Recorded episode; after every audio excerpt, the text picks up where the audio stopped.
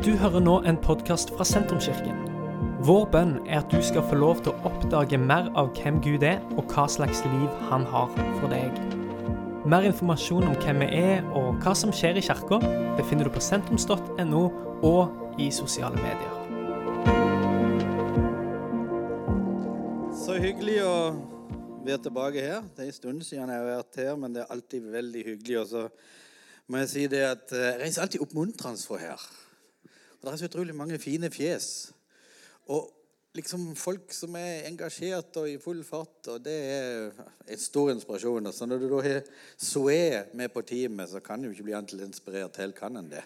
Zoé er ei flott jente som, eh, som jeg var for heldig å få tak på i, i Troms Bevis, og som jeg eh, tror skal bety veldig mye for veldig mange. Og, og det er en stor glede å være sammen med deg. Og, så har vi jo gode venner her. Takk for den fine hilsen. Vi kunne sagt alle de samme ordene tilbake til deg og til dine. Og så, så, det er veldig fint. Og takk for dere partnermenighet. Og så er det jo utrolig mye som skjer i verden i dag som, som er spennende, og som liksom vi må, vi må være på nå. Vi må være skikkelig på i denne tida. Og Jeg tenkte jeg ville åpne med bare noen, noen ord først som står skrevet. For det, at, det er jo fint å feste det en skal si på, på det som står i, i, Bibelen. Og Det er et stort oppdrag å skulle ha hele verden som liksom soknekall eller som på en måte arbeidsplass for å være med og spre evangeliet. Så vet vi at ingen kan nå alle alene, men vi kan nå alle hvis vi står sammen om det. Eh, og Jeg har jo på en måte stått nå i tjeneste i en god del år. Jeg er jo egentlig sveiser og mekaniker. Det er det jeg er utdannet til, så ikke ring hvis du trenger å ha noe gjort. Men jeg kan være med på mye annet. Men det er liksom det. Men jeg har vært med, fått være med og sveise og bygge og, og konstruere til Guds rike, og det har vært helt fantastisk. Og det kan være fint å vite at når vi bygger Guds rike, så må vi også sette ting sammen i praksis, med arbeid. Ikke bare med ord, men at det er noe vi på en måte ja, kjører fram, og det er sånn å bygge Guds rike misjon òg. Der står da trådte Jesus fram, og han talte til dem. Jeg har fått all makt i himmel og på jorden. Gå derfor og gjør alle folkeslag til disipler. Døp dem til Faderen og Sønnen og Den hellige ånds navn, og lær dem å holde alt det jeg har befalt dere, og se jeg er med dere alle dager inn til verdens ende. Vi har liksom omgivelser rundt dere som vi ser på, som kanskje vi skjønner Vi klarer ikke helt å trenge gjennom det nabolaget, de vennene, de studentene som vi er sammen med, eller de vennene liksom, Vi kommer jo liksom aldri inn der. Vi kan og tenke på på mange ting. Kirka skulle ha vært tre ganger større. Og, og vi skulle sett vekkelse i Norge, og vi skulle sett så mange ting liksom, som vi går der og kjenner på. er liksom sånne ubevegelige ting på en måte. Men vi, vi, vi, ber, og vi står på, og vi prøver litt her, og vi prøver litt der. Og Da har jeg lyst til å bare si ja, bare fortsett som bare det. For det er noe som er gitt her. I oppdraget som vi har fått, så er det ikke noe at vi skal klare allting sjøl. Men vi kan slippe skuldrene ned, og så står det så fint 'Jeg er gitt all makt i himmel og på jord.' Punktum. Gå derfor ut. Så når du går ut, så går du ikke ut på ditt eget, men du går ut på fordi at han har all makt i himmel og på jord. Og skal vi drive misjon, skal vi drive vennskapsevangelisering, skal vi drive kirke, skal vi påvirke mennesker, så er det fantastisk å vite at det er ikke du som er utslaget på at det skal lykkes, men det er han. Det er han som er utslaget. Det du har fått beskjed om, det er å bringe mennesker til Han. Et møte med Jesus, et møte med troen, et møte med det livet som han kan dele. Så ikke stress deg ut på det her, for det er sånn at når det kommer til stykket, så kan ikke du mer eller være den som bringer det. Og så kommer han, og så gjør han det.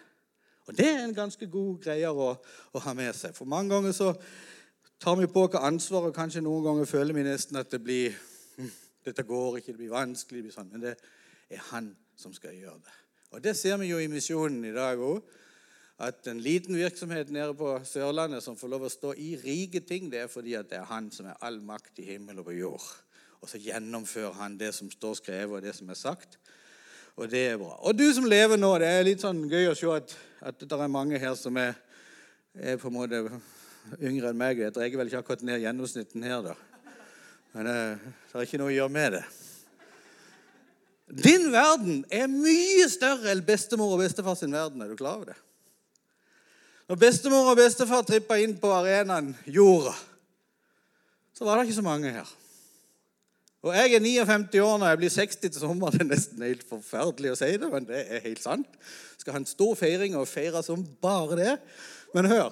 Når jeg tørna inn på arenaen her, så var det ca. 3,5 milliard mennesker på jord.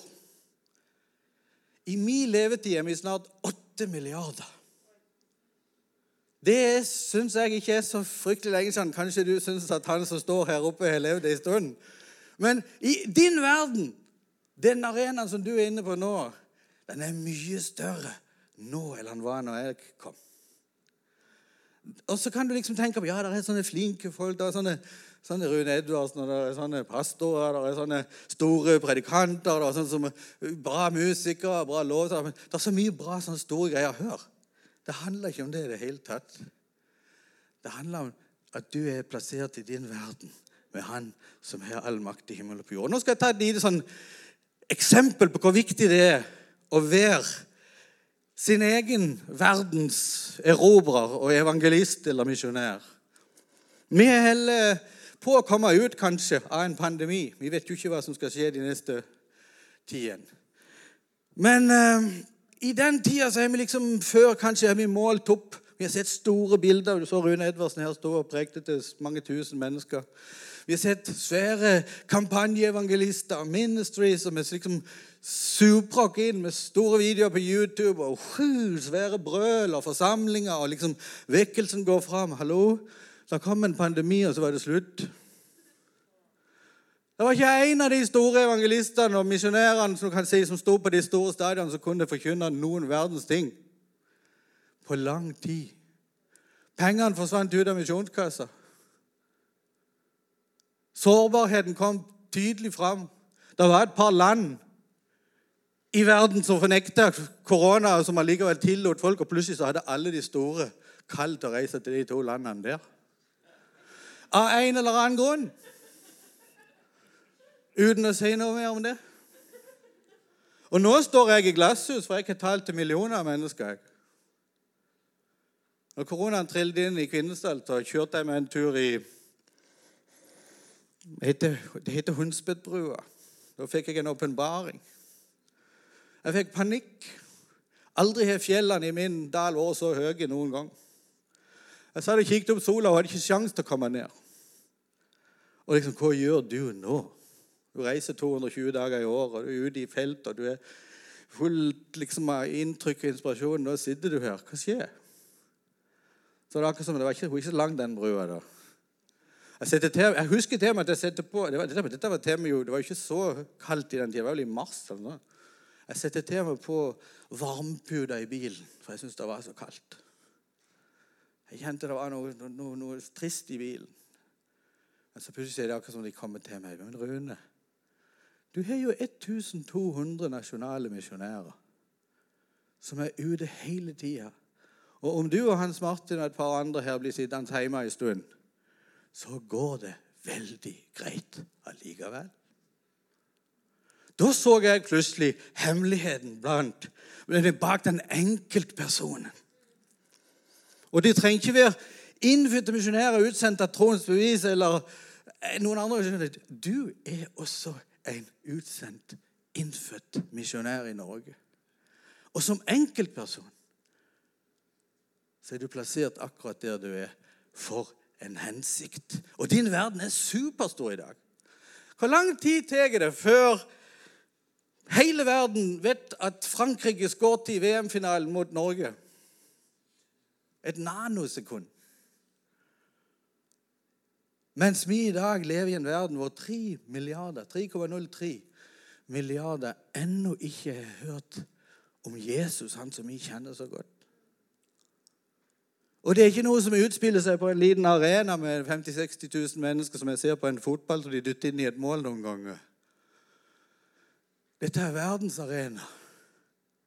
Hvor vi har er 2,6 milliarder kristne som kan si at 'jeg tror jeg kjenner mannen Jesus'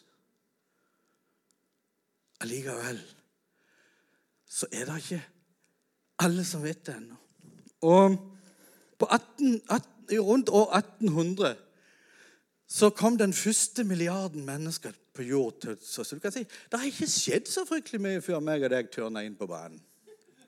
Det er veldig lite alt det andre som de preker om for historikken i tusenvis av år. og Du kan nesten bli helt svett når du hører på det.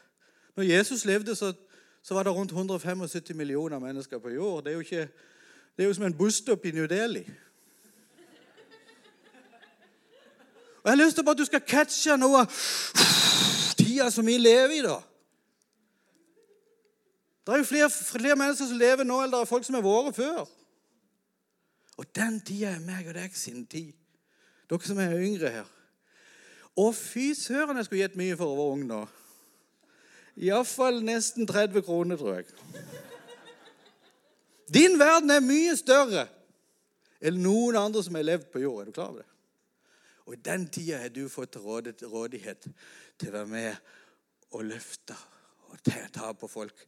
Være med og løfte det fram og fortelle budskapet om verdens frelse. Aldri har det vært mulig for så mange å kunne høre som nå. Er ikke det bra?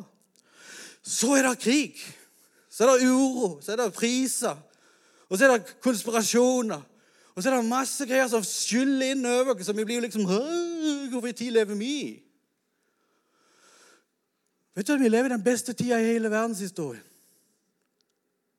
Aldri noen gang har det vært så mange mennesker som tar imot Jesus.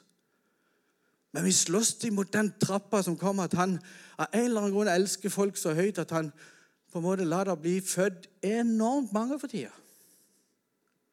Så alle må jo ha en mening. Alle må da være noe med. Det er ingen som kan si at verden er for stor. Bare, bare jeg får lov å leve her, så er det greit. Jeg snakket med en i går som sa det at det er jo nødt til å redusere på dette galskapet. Så sa jeg, hvem skal velge deg, da? Du? Hør. Alle som kommer her, er velkommen. Og Det står så veldig fint ingenting kan skille oss fra Guds kjærlighet. For jeg er viss på at verken død eller liv, verken engler, verken krefter, verken det som nå er, eller det som kommer, eller noen makt, verken det som er i det høye eller i det dype, eller noen annen skapning, skal kunne skille oss fra Guds kjærlighet til Kristus, vår Herre. Frykt ikke, ta det med ro. Og Jeg har laga en liten overskrift for meg sjøl i tida. Selv om det går galt, så vil det gå godt. For hvis du har Jesu evangeliet, himmelen, du har hans trygghet, du har alt som står Selv om det går galt, så vil det gå godt. Det er tryggheten som du har som en troende. Og så Nå har jeg lyst til å dele deg litt sånn hva som skjer i, i mitt liv. Jeg fikk en telefon her om dagen fra ei dame. Hun bor i Bergen, men har levd en stund i Grimstad. Hun ringte til meg, for hun har sett at jeg driver veldig mye nå og pusher ut at, at det er en ny misjonsmark. Det er en misjonsmark som ikke er blitt på en måte sett og tatt til seg. Og eh, Hun hadde liksom studert litt av det som jeg skriver på nett, og mange ting, så ringte hun og sa du, jeg tror jeg har en idé til deg. Det er ei jente som heter Hanna, som bor i Grimstad. Hun er autist. Og Hun har mange gode dager, men hun har også vanskelige dager. Men hun er sånn en gledesspreder. Og hun er en autist, og noe av det som du snakker om her, tror jeg liksom, Tenk om du kunne ha brukt henne litt. Så fortalte hun Hanna. Hanna er to andre søsken som også er autister. Og de er ikke så veldig til stede. De er veldig mye kan du si, i sin egen verden. Så det, det er litt mer problematisk kanskje for, for oss å ha superkontakt. Men Hanna har sine gode dager. Så fortalte hun at hun hadde, de hadde gått i kirka. da. Men når de kom til kirka, så merket de med en gang at de hadde ikke så lyst til å ha sånne folk her. For de bråkte litt, og de, de, de, de sugla litt, og, og, de hadde litt sånn annerledes måte å være på, og klarte ikke å være stille helt når alle skulle være stille. Og, og liksom, Det ble liksom sånn at vi, vi, vi, Det er fint å gå i kirka, men vi, kan jo ikke gå der med oss, med våre barn. Og hør nå. De to foreldrene var ikke troende. Men det hadde blitt tatt med av Mai Hilde, som hun heter, én gang i kirka. Og de gikk to ganger i kirka, og de gikk tre ganger. Men så kjente de nei, det passer seg ikke, for mye til bry. Så skjer dette at de får barnebøker da, ifra de som drev barnearbeid. Så de ga de noen fine barnebøker. Og disse barna de eldste nå når de leste for dem. Så da de kom hjem, så det eneste nesten som de maste på foreldrene, var bok, bok, bok, bok, bok. Så pappa begynte å lese bok. Og mamma begynte å lese bok. Mamma har ikke alltid bodd i Norge. Og vet du hva som skjedde? En dag så sier pappa jeg tror jeg må gå tilbake til kirka. For dette her som jeg leser hver dag for barna mine, det rører med meg. Og jeg vil også ha Jesus i livet mitt. For en innfødt misjonær. Hallo? Og så nå er alle troende. Men dessverre så føles ikke hjemme i kirka. For det, det blir så vanskelig, for de er litt annerledes. Og her, kjære venner, la dere aldri bli ei kirke som er bare for normale. For det er veldig få normale. Og når jeg ser på dere, så er det jo nesten ingen. Vi ligger ganske dårlig an. Hvis du skal ta det normalbildet her, altså. Det kan jeg bare si. Og når du ser på han som står her oppe Så har jeg liksom drevet nå i, i, i, lang tid, og jeg har reist rundt jorda mye og, og vært mange plasser. Jeg har alltid hatt et hjerte for, for de som, som, ikke har det bra. Jeg har drevet i mange år med å hjelpe eh, jenter, spesielt jenter, jenter, som har blitt voldtatt og mishandla i krig og i, i, andre ting. Så jeg har jobbet nært på det, sett så mye vondt at, at det, det rett og slett skaga meg innvendig. Jeg har hatt vondt av det. Og så har du lært deg å leve med det. Og jeg jobba med fattige og hjulpet rundt forbi. Og, og, så har jeg sett så mange plasser hvor jeg har reist, at det går en og, og en med store, store, store store problemer som ingen tar seg av langs en vei og ligger i en hva skal jeg si, stykkrenna, eller, eller, som på en måte du ser bare at de er, de er, de, det er ingen som har noe med disse menneskene å gjøre. Og de er overlatt til seg selv. Og de har, de har spesielle behov, psykisk, fysisk eller sånne ting. Og i mange nasjoner med fattigdom med kan du si, andre typer tanker om ting. Eh, så det er mye stigma som skjer, og så blir folk på en måte bare ikke tatt imot. Og Nå skal jeg på en måte fortelle dere litt. Vi skal snart se en video om noe. Men jeg er kjent for å starte en ny målgruppe som vi skal nå som på misjon. Og da snakker vi om misjon og hjelp.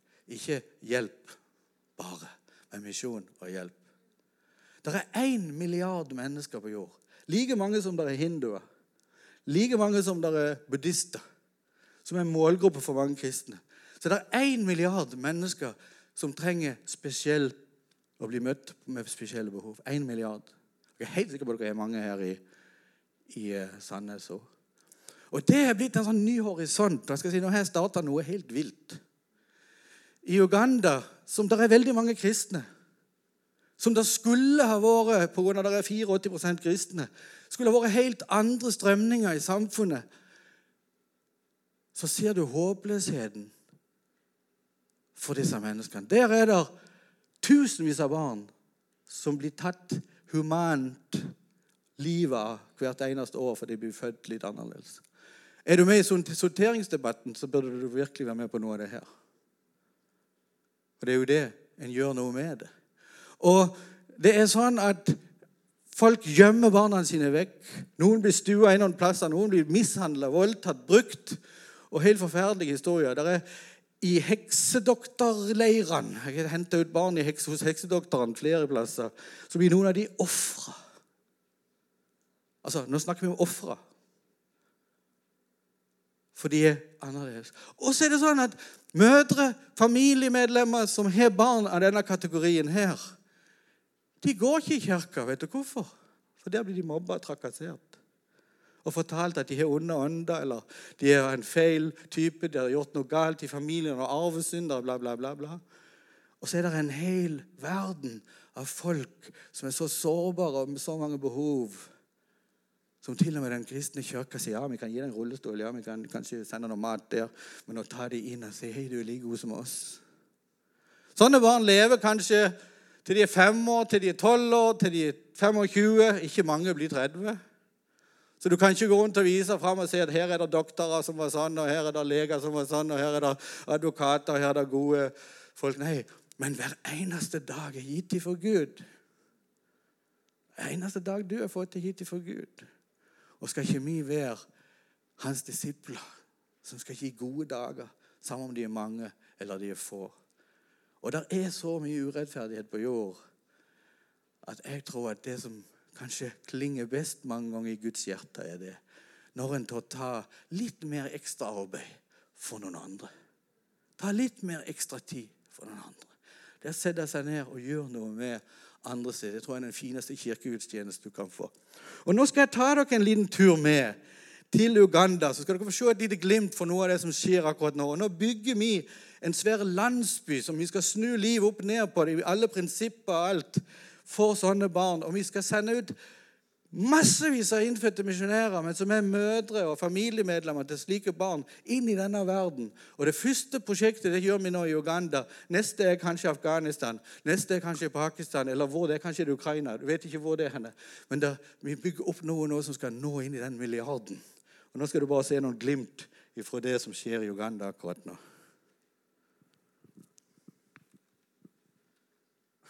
Er vi på vei ned i en av slummene her, så vi skal ned og besøke et barn som har cerebral parese.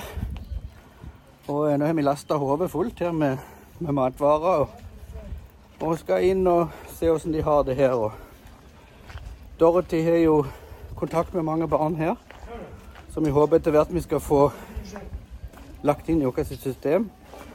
Ikke bare besøke de sånn som nå, men å få de med i det store senteret som vi holder på å bygge. Det er ikke så mye plass i en liten Toyota, men ukentlig så besøker vi ca. 150 barn. Den lille babyen som er på armen hennes her bak, den er CP-ramma og skada etter fødsel. Men det er en tvilling. Denne jenta her har ei tvillingsøster som er helt normal. Men under fødselen så døde mammaen.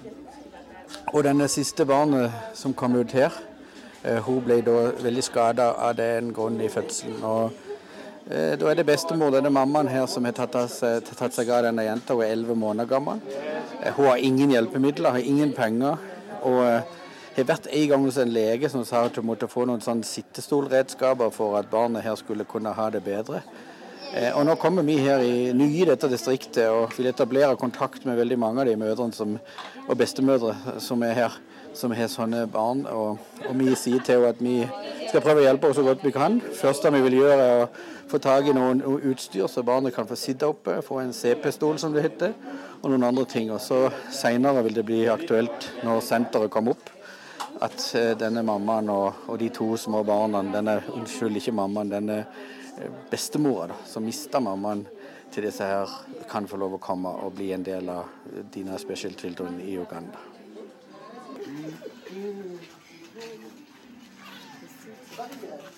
Tenker du når du ser det her? Jeg tenker at vi er veldig veldig heldige hjemme i Norge. Jeg snakka akkurat med en mamma her som uh, hadde et barn, fem år, som hun fikk se én gang i året. Det var sånn hun kunne overleve. Det å, det å være her og jobbe mens barnet bodde hos hennes søster, altså sin tante. Det er sånne ting som gjør inntrykk. Mm. Også det å se de syke barna her som ikke får den behandlingen som vi gjerne ville gitt dem. Du får jo bare lyst til å ta dem med deg hjem, men det er nok ikke det som er det rette å gjøre heller. Nå har du vært her noen dager og vært litt rundt og sett. Hvordan eh, sitter du igjen med det inntrykk sitter du igjen med? Jeg sitter igjen med et inntrykk av at det er veldig, veldig, veldig trivelige mennesker her som gjør eh, det beste de kan. Eh, og derfor er det også veldig bra med det Dina-senteret gjør ved å hjelpe de som ikke har mulighet til å ta vare på barn med spesielle behov. Hjelpe de til å kunne få et bedre liv, både barna og også foreldrene og familien rundt. Du er jo mamma sjøl til en gutt som har litt sånne utfordringer. Hvordan er det å komme her både som familie og med han, og som du sjøl, og se hva som skjer her? Jeg bare tenker at vi er veldig, veldig heldige som bor i Norge. Ja. Her sitter vi med en familie som mister alt det de har, så de, er, de har fått lov å komme inn i kirka. Og her er det tre barn. To med cerebral parese som ikke har noen problemer i det hele tatt. Men foreldrene deres har jo ingenting. Den minste her ser ut som at er helt utmagra. Men det er rart, men her sitter jeg på et teppe. For det eneste de har i denne verden, det er et 1,5 meter ganger 3 teppe. Det er heimen deres, og det er livet deres. Og Hvis ikke noen skal hjelpe deg, så hvem skal gjøre det? Så meg og Jan vi kommer til å hjelpe denne familien til å få seg en plass. Vi hjelper dem til å få noe arbeid og ha kontakt med, med dine special children her i Uganda og bli oppfølgt. Men tenk det. Et teppe det er det eneste de har i hele verden. Det var liksom en sånn en liten visning der nede. Og den kirka som vi var i der, som de hadde det teppet i Historien er jo trist. For de vil ikke ha de der. Så mine folk som er rundt og besøker, de fikk tak i disse folkene. og fikk De De ville ikke ha de der. Og um, det er jo ikke sånn kristne menighet skal være. Den skal være på en måte helt annerledes. Og Jeg har lyst til å, å, å gå litt videre, for det, jeg kunne holdt på nå og fortalt om nye ting nå i, i tre dager. Så kunne jeg bare liksom hatt lunsj imellom. Og veldig tent på det her. Jeg kjenner at Gud har gitt meg en helt ny inspirasjon til en helt nytt kall, en helt ny verden. En helt ny type livsstil for å prøve å nå inn til så mange av disse som mulig som er rundt i verden. Og jeg skal fortelle dere bare en historie om en gutt som eh, jeg gikk og henta i et sånt De kaller det for shrine. Et, altså det er heksedoktorer. Det er jo liksom Hvis de har TV, var det, så jeg tror han Edvardsen var steingal og fanatisk. Men altså, det er jo en helt annen verden uti der enn det vi er vant til rundt i Norge. Og eh, Folk tror på tradisjonell medisin og tradisjonelle ånder og spiriter i størstedelen av verden. Og jeg ble på en måte oppmerksom på at det ligger en gutt inni et sånt plass. Der er fire heksedoktorer der. En familie som har herja i Uganda i lang, lang tid og berykta. Ingen tør gå inn der. Og jeg fikk greie på det en av myndighetspersonene i det området som vi bygger i nå, at det var en gutt der. Som han heksedoktoren hadde sagt Vi klarer ikke å fikse han. Og det tente meg. Så vi reiste inn der, og de hadde med meg, hadde med meg fire stykker som var fra Uganda. Ingen turte å gå inn. Jeg sprang inn alene og gikk ned, og jeg så han der litt store, mørke typen stå og, og kikket utover landet sitt og hadde full kontroll. Så jeg gikk rett bort til han og så kikket jeg han vennlig inn i øynene og sa hei, er det du som prøver å ta deg av den gutten som er her? sier jeg. Og Så setter han øynene i meg så sier han, ja, hvem er du? Jeg sa bare jeg heter Rune. Jeg sa ikke jeg var for Kvinesdal, for da hadde jo ikke det blitt greit. Så sa jeg jeg kommer her for å hjelpe deg. Ja, for det her er noen sånne engelske greier. Så vi vet ikke helt hvordan vi skal behandle det her. Men det gjør vi, sa jeg. Så vi skal hjelpe dere ut her og ta det med. Og jeg kikket han inn i øynene, og så ba jeg bare en bønn for han. Og eh, med vennlighet. Men jeg så at han slo blikket ned. Og like etterpå så gikk han til sides og forsvant og ville ikke være der lenger. Jeg tror han kjente at det var noe annet der. Så jeg tok med meg han gutten og jeg tok med meg mammaen hans og reiste til det lille senteret som du så litt noen bilder på her. Og, og han gutten er i dag gjort noen framskritt som er helt utrolig. Og er en blid og fin gutt som i dag får høre om Jesus hver eneste morgen og hver eneste dag og hver eneste kveld. Og han har fått liksom et sånn fredelig gutt. Han er ikke, han er ikke begynt å gå ennå, men vi har han i terapi. Så det er ikke så lenge før han skal gå. Den ene sida begynner å bli ganske bra. Og det er jo sånne ting som er Men mammaen hun stakk av. Så fort vi tok henne med hjem til senteret, så stakk hun av. Orket ikke mer, klarte ikke mer. Så jeg sier dere som er også har veldig klare synspunkter i disse debattene som pågår. Du skulle vite hva det er for noe å være en mor på 17-18-20 år som havner i den situasjonen, som ikke har noen ting. Og hva hun må gjøre i løpet av uka for å stå på fana og si at 'jeg kjemper for barnet mitt', det er utrolig tøffe ting. Så vi må være med og hjelpe så mange vi kan. Skal vi ha kjærlighet at alle mennesker skal ha rett, så skal vi også gi dem rett med å være rett ved dem, på sida av dem. Og når Jesus kom til jorda, og når han skulle dø på et kors, så var det litt sånn samme setupen som er i dag. Det er brutalt mye i verden. Når Jesus var der, så var det romerske soldater. Det var okkupasjon av Israel. Det var liksom umoral og forferdeligheter som skjedde. De tingene som skjedde under romertida i, i Orgia og utskillelse og alt mulig. Det, det, det, er jo ennå skrevet om historien hvor gale det var. Det var, det var liksom kaostid. Og til og med de skriftlærde var de verste av alle. Hvor ser du Jesus i det bildet der? Ser du han som den som har skrevet de største plakatene imot noen andre? Nei, han heiste et kors som den største plakaten. Så var forsoning og kjærlighet. Og kom til meg, alle som strever og er tungt å bære. Kom du som er den verste synderen, jeg skal gi deg nytt liv. Han kunne ha gjort det på en helt annen måte. I svakhet så overga han seg sjøl til romerske soldater til å piske han sønder og sammen, til å spytte på han, til å trakassere på han, til å mobbe på han, til å slepe han gjennom en by, opp på skammens sted. Og han ble hengt ut for alle.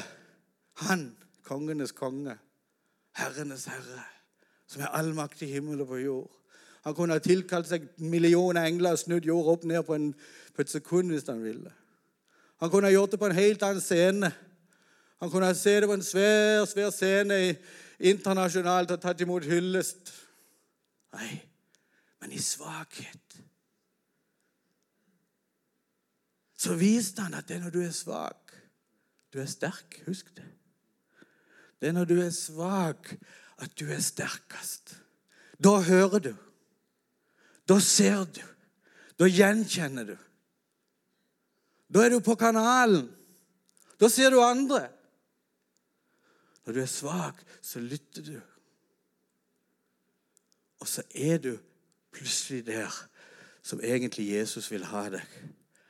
Du er under påvirkninga av Han som er all makt i himmel og på jord, og du kan ikke gjøre så mye mer med det enn det som han har sagt.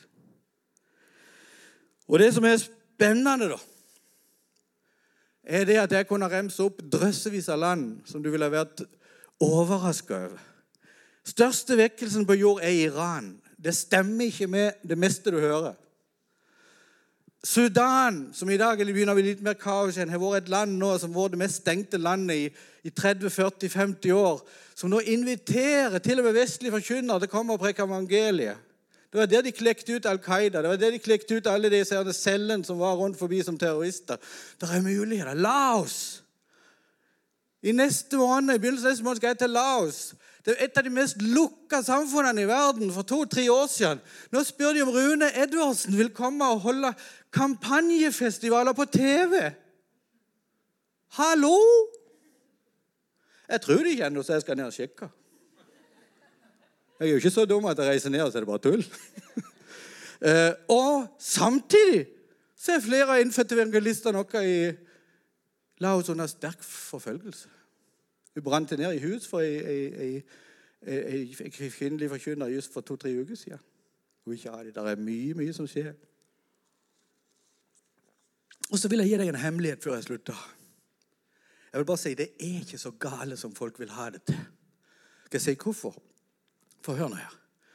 Det vi som kristne mest hører på og dette, dette må du ta med, med, visdom og med Det er ingen angrep eller noe, noe, noe brodd i det her. De organisasjonene som vi hører mest ifra om kristne, forfølgelse, om sånn og sånn og sånn i jorda, det er de organisasjonene som jobber med de negative sidene. Og det er det mange av. Og de må vi selvfølgelig fortelle om. De må vi selvfølgelig rapportere om. Men de som jobber i vekkelse, de kan ikke fortelle sine historier i dag. For det lukkes hver gang du forteller. Det blir verre for de kristne hver gang du forteller. Vi har historier som er som dette her.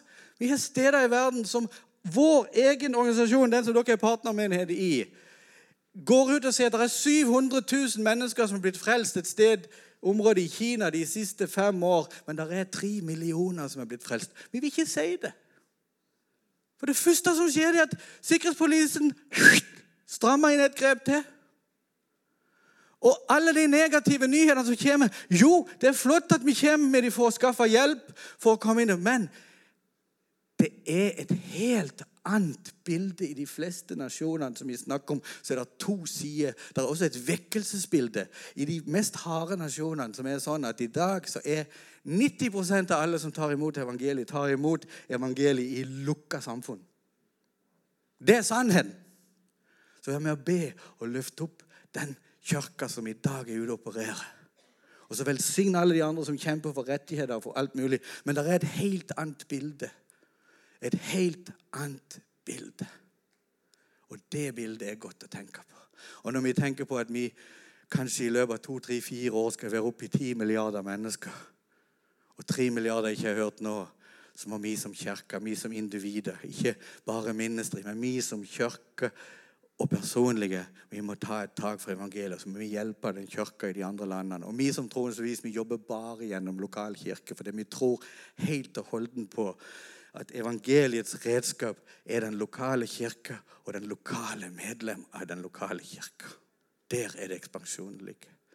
Og nå vil jeg si, vil du være med? Så skal Zoe komme opp her og, og, si litt mer. Vil du være med på det eventyret? For vi har en drøm om 5000 misjonærer i min levetid. Og du ser når du er 59, så kan du begynne å tenke. Litt hjerteproblemer har jeg òg. Men jeg har et godt hjerte. Hør. Tenk om 2000 av de 5000 kunne være mødre, bestemødre, folk som var involvert med sånne barn, med sånne familier som hadde det så vanskelig, og de kunne få lov å bruke tjenesten sin til å fortelle om Jesus. Kanskje ikke med en stor bibel under armen, for det er ikke noen som skjønner det, men på en helt annen måte nå inn til disse menneskene og la de få lov å kjenne tilhørighet og være sammen med Jesus. Og finne. Nå er kanskje Jesus ordninger for det, det vet jeg ikke, men det står at alle skal få høre evangeliet. Og det har jeg jo lyst til å utfordre deg på i dag. Har du lyst til å være med og ta en sånn misjonær? Så kommer du til å forandre masse, masse, massevis av mennesker. Og jeg er steinhakka gal. Jeg bare sier det. Jeg vet ikke at jeg er tørt gjort. Jeg bygger nå noe nede i Uganda som er fem ganger større enn Sarnsdal. Dette er slutten på denne podkastepisoden. Har du spørsmål om Jesus, om tro, om livet? Så er du hjertelig velkommen til å ta kontakt med oss via sentrums.no.